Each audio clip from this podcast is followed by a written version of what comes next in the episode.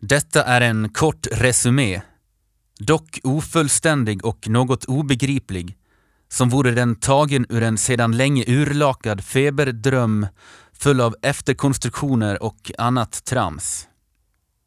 Mitt namn är Oskar Hedlund, also known as Sofisten, och jag har i snart tio år varit oförmögen att älska. Det som började som en knappt märkbar nervositet utvecklades så småningom till en bottenlös depression ur vilken jag aldrig riktigt tagit mig ur. Alla små detaljer i mitt psyke och i min kropp började sakta men säkert bli allt mer obegripliga och jag hamnade i en spiral av destruktivitet och ologiskt tänkande.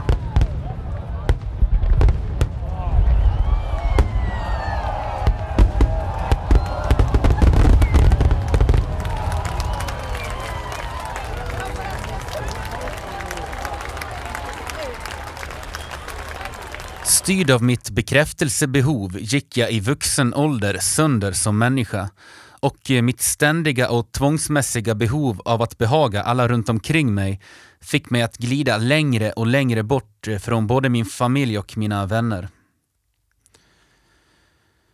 Det var en gång för länge sedan som eländet började. En förändring var på gång, men inte i den bemärkelse jag hade hoppats på.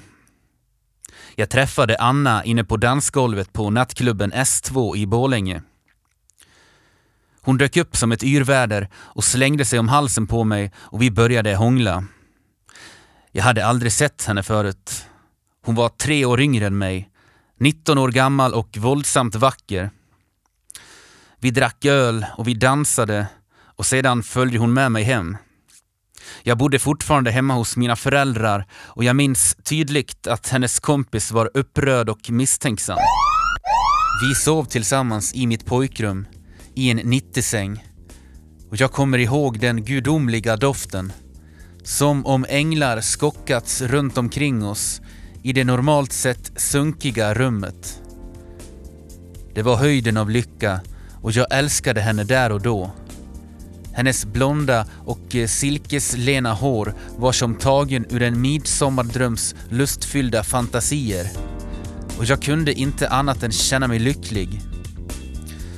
Och i alkoholens lullande rus var jag fullkomligt lugn, avslappnad och eh, framförallt normal.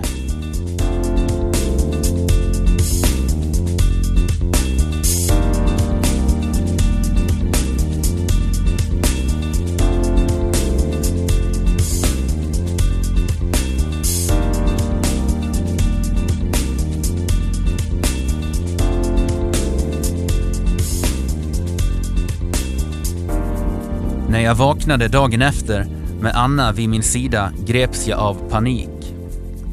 Jag kände direkt igen känslan. Jag var ute på jävligt tunn is och minsta lilla misstag från min sida skulle få kalaset att braka igenom ner i ett iskallt helvete.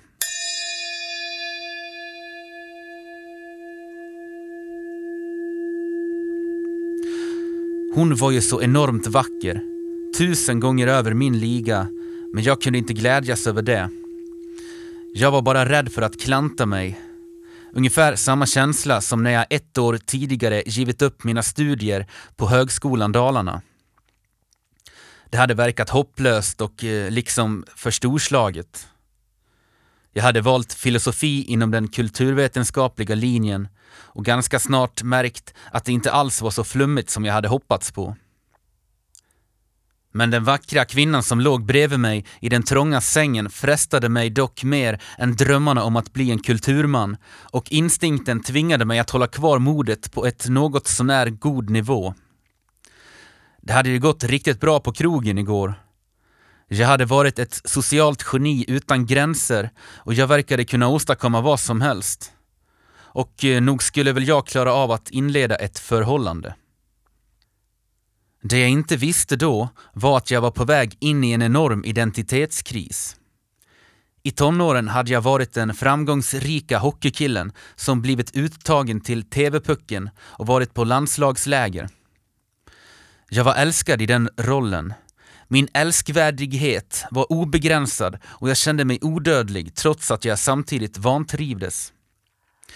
I princip allt jag gjorde tyngdes av enorma krav och tvång. Jag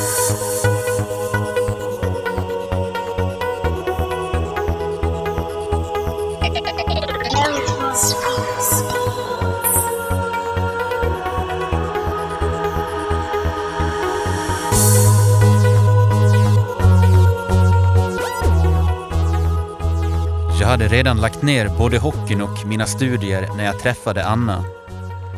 Det hade varit ett stort beslut och det påverkade inte bara mig utan också de runt omkring mig, det vill säga min familj. Jag hade uppenbara problem med att definiera om mig och gå vidare i något slags vuxenliv. Det störde mig att alla mina kamrater lyckades anpassa sig jag såg hur de stortrivdes i den mer fria rollen utanför klassrummet, idrottsföreningarna eller dylikt och jag blev bara mer och mer förvirrad. Jag hade gått och drömt om den friheten i många år. Att få hålla på och producera musik, läsa kulturvetenskap och eh, ägna mig åt konst i största allmänhet. Men nu när jag äntligen var framme vid målet såg jag bara ett gigantiskt tomrum självförakt, oduglighet och vanmakt. Och en allt växande orolighet som började rinna över i alla delar av mitt liv.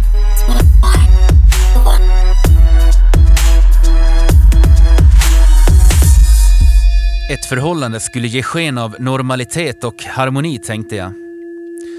Och eh, kanske skulle det bota min groende ängslighet, precis som en mirakelkur alla Jesus K. Det skulle få mig att se lite bättre ut. För jag hade gått från hjälte till kuf och jag föreställde mig att folk uppfattade mig som lite mentalt rubbad. En flickvän skulle ge mig lite upprättelse och eh, åtminstone vinna tillbaka lite respekt hos min familj. Det kändes som att jag hade svikit dem. De hade investerat mycket tid och pengar på min så kallade karriär men jag hade i slutändan gett upp och spolat ner den i toaletten. Som om den inte varit värd någonting alls.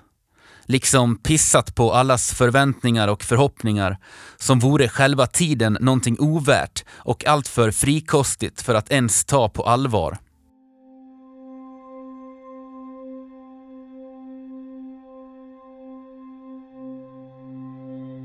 Och eh, mycket riktigt så inledde jag och Anna ett förhållande. Men redan första dejten, som var dagen efter att vi spenderat natten ihop, var påfrestande för mig. Jag hade målat upp ett scenario som jag till varje pris ville förverkliga. Det fick inte gå åt skogen och jag kände hur pressen blev större och större. Och det var början av mitt totala förfall som senare skulle ta mig till både avgiftningar och sjukhus.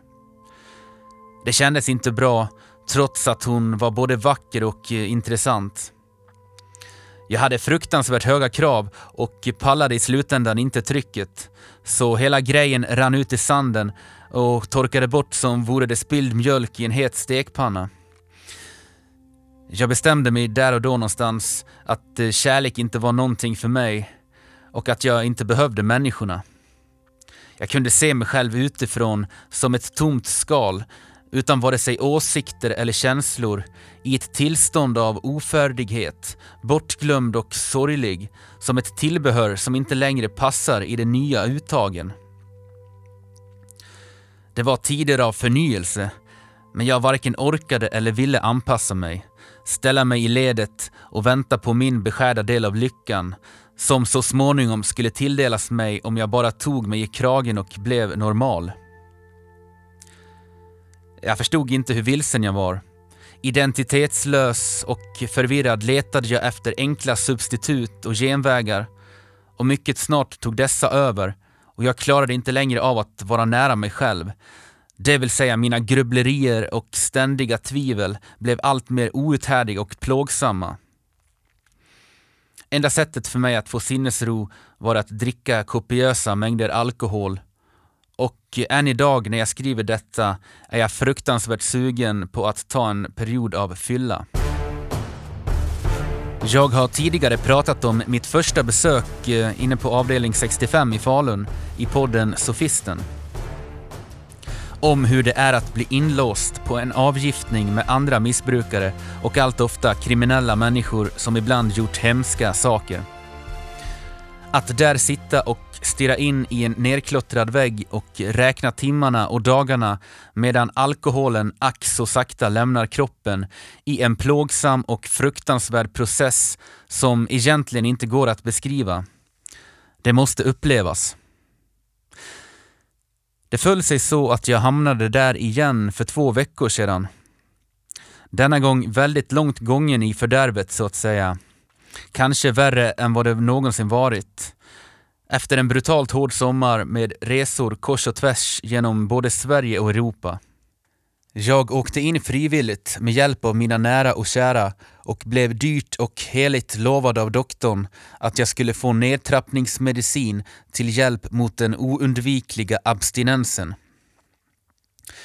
Jag tvivlade såklart på detta med tanke på att jag av erfarenhet vet att de är väldigt restriktiva med den sortens medicin, alltså bensodiazepiner. Men jag gick till slut med på att bli inlåst. Mycket riktigt så blev jag nekad rätt till medicin och eh, hamnade till slut i ett tillstånd av delirium som i sin tur ledde till bältning och LPT. Jag började hallucinera och visste till slut inte vad som var verkligt eller ens vart jag var. Och jag upplevde dödsångest, för jag trodde personalen och medpatienterna skulle döda mig. Enda gången i mitt liv som jag verkligen trott att jag ska dö.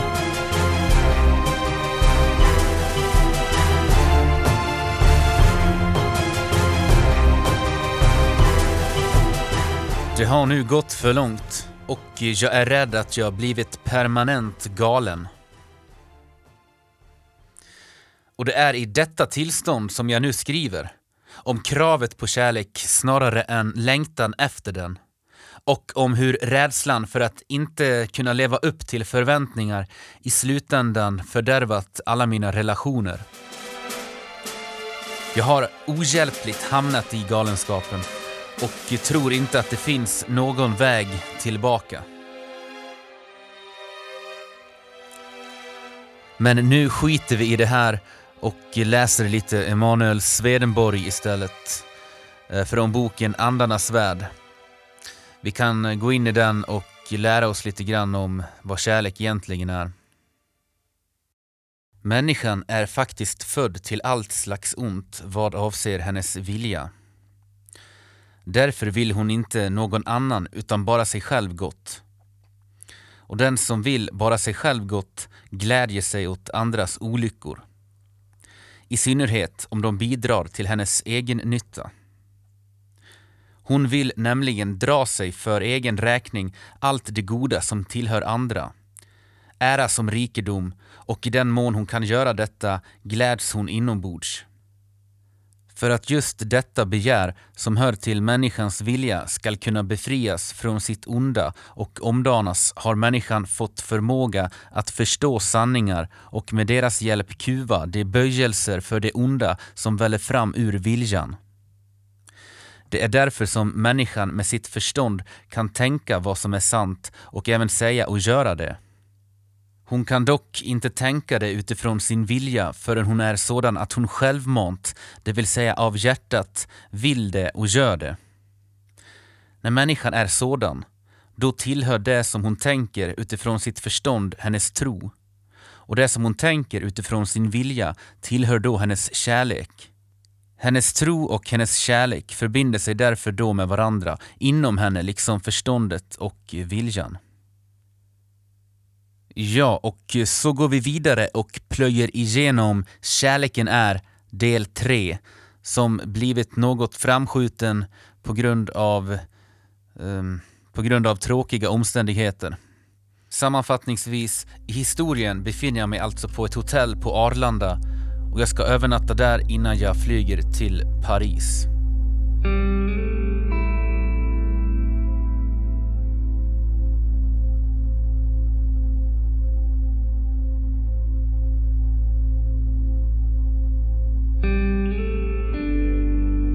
Jag vaknade med ett ryck av att mobilens alarm gick igång och visste först inte var jag var någonstans. Det luktade så där obekant som när man kliver in i en ny lägenhet som man aldrig varit i. Och synintrycken fick min hjärna att arbeta rätt hårt. Men när jag väl kvicknade till insåg jag att jag var i min hytt på flygplanshotellet och att jag borde skynda mig att packa ihop mina saker för att inte missa planet. Jag gick igenom i mitt huvud snus, telefon, plånbok, nycklar och pass. Detta var det allra heligaste och skulle jag glömma något av detta vore det förödande och fördömt. Så jag la ner det i min axelväska, klädde på mig, tog en extra koll och gick igenom hytten. Jag plockade också med mig det som var kvar av vinet. Sedan tog jag min lilla svarta resväska och gick till receptionen för att checka ut. Och det var här någonstans när jag såg den kvinnliga receptionisten som jag kom att tänka på Elisa Lam.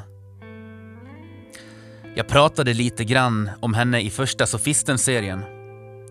Det var ju hon som under mystiska omständigheter dog på det ökända och enligt vissa hemsökta hotellet Cecil i Los Angeles där bland annat seriemördaren som gick under namnet Night Stalker bodde en tid. Jag föreställer mig med skräckblandad förtjusning Elisa då den nya receptionisten liknade henne väldigt mycket. Som om ett spöke uppenbarat sig bakom disken i den kusliga Estonia-stämningen som rådde här. Jag lämnade in nyckeln och begav mig till busshållplatsen.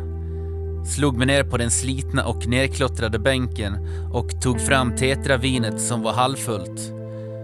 Jag skulle inte kunna ta med det in på flygplatsen tänkte jag och svepte därför det som fanns kvar. Jag hade gott om tid så jag kände lugnet och njöt av det stegrande ruset i huvudet som vore jag en hårt nedgången heroinist som precis fått sin fix. Jag var liksom odödlig, inte ett hinder eller minne blott kunde få mig på fall i denna stund. Det var behagligt varmt och morgonens stillhet frambringade både fågelsång och andra obegripliga ljud som man bara kan höra när de flesta andra ligger hemma och sover. Såklart hördes flygplanen som avgick och ankom som vore det ett enormt urverk som bara pågick utan komplikationer.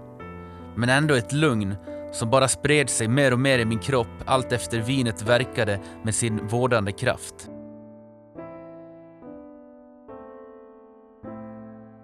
Jag ville så gärna att kärleken skulle bli begriplig. Som ett pussel som gick att lösa och att den i sanningens namn gick att komma åt.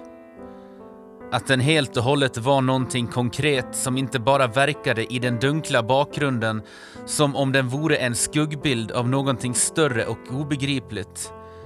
Inte som zombieflickan som jag träffade inne på en avgiftning i Falun. Hon som var min gudinna och utgångspunkt i det hela.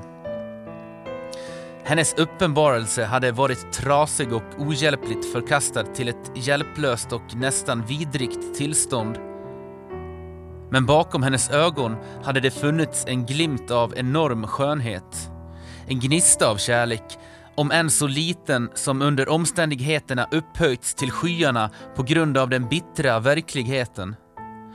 Missbruk och misär, sårbarhet och hopplöshet som om all denna skit liksom var det enda jag kunde förstå och projicera i mitt huvud som vore det kärleken.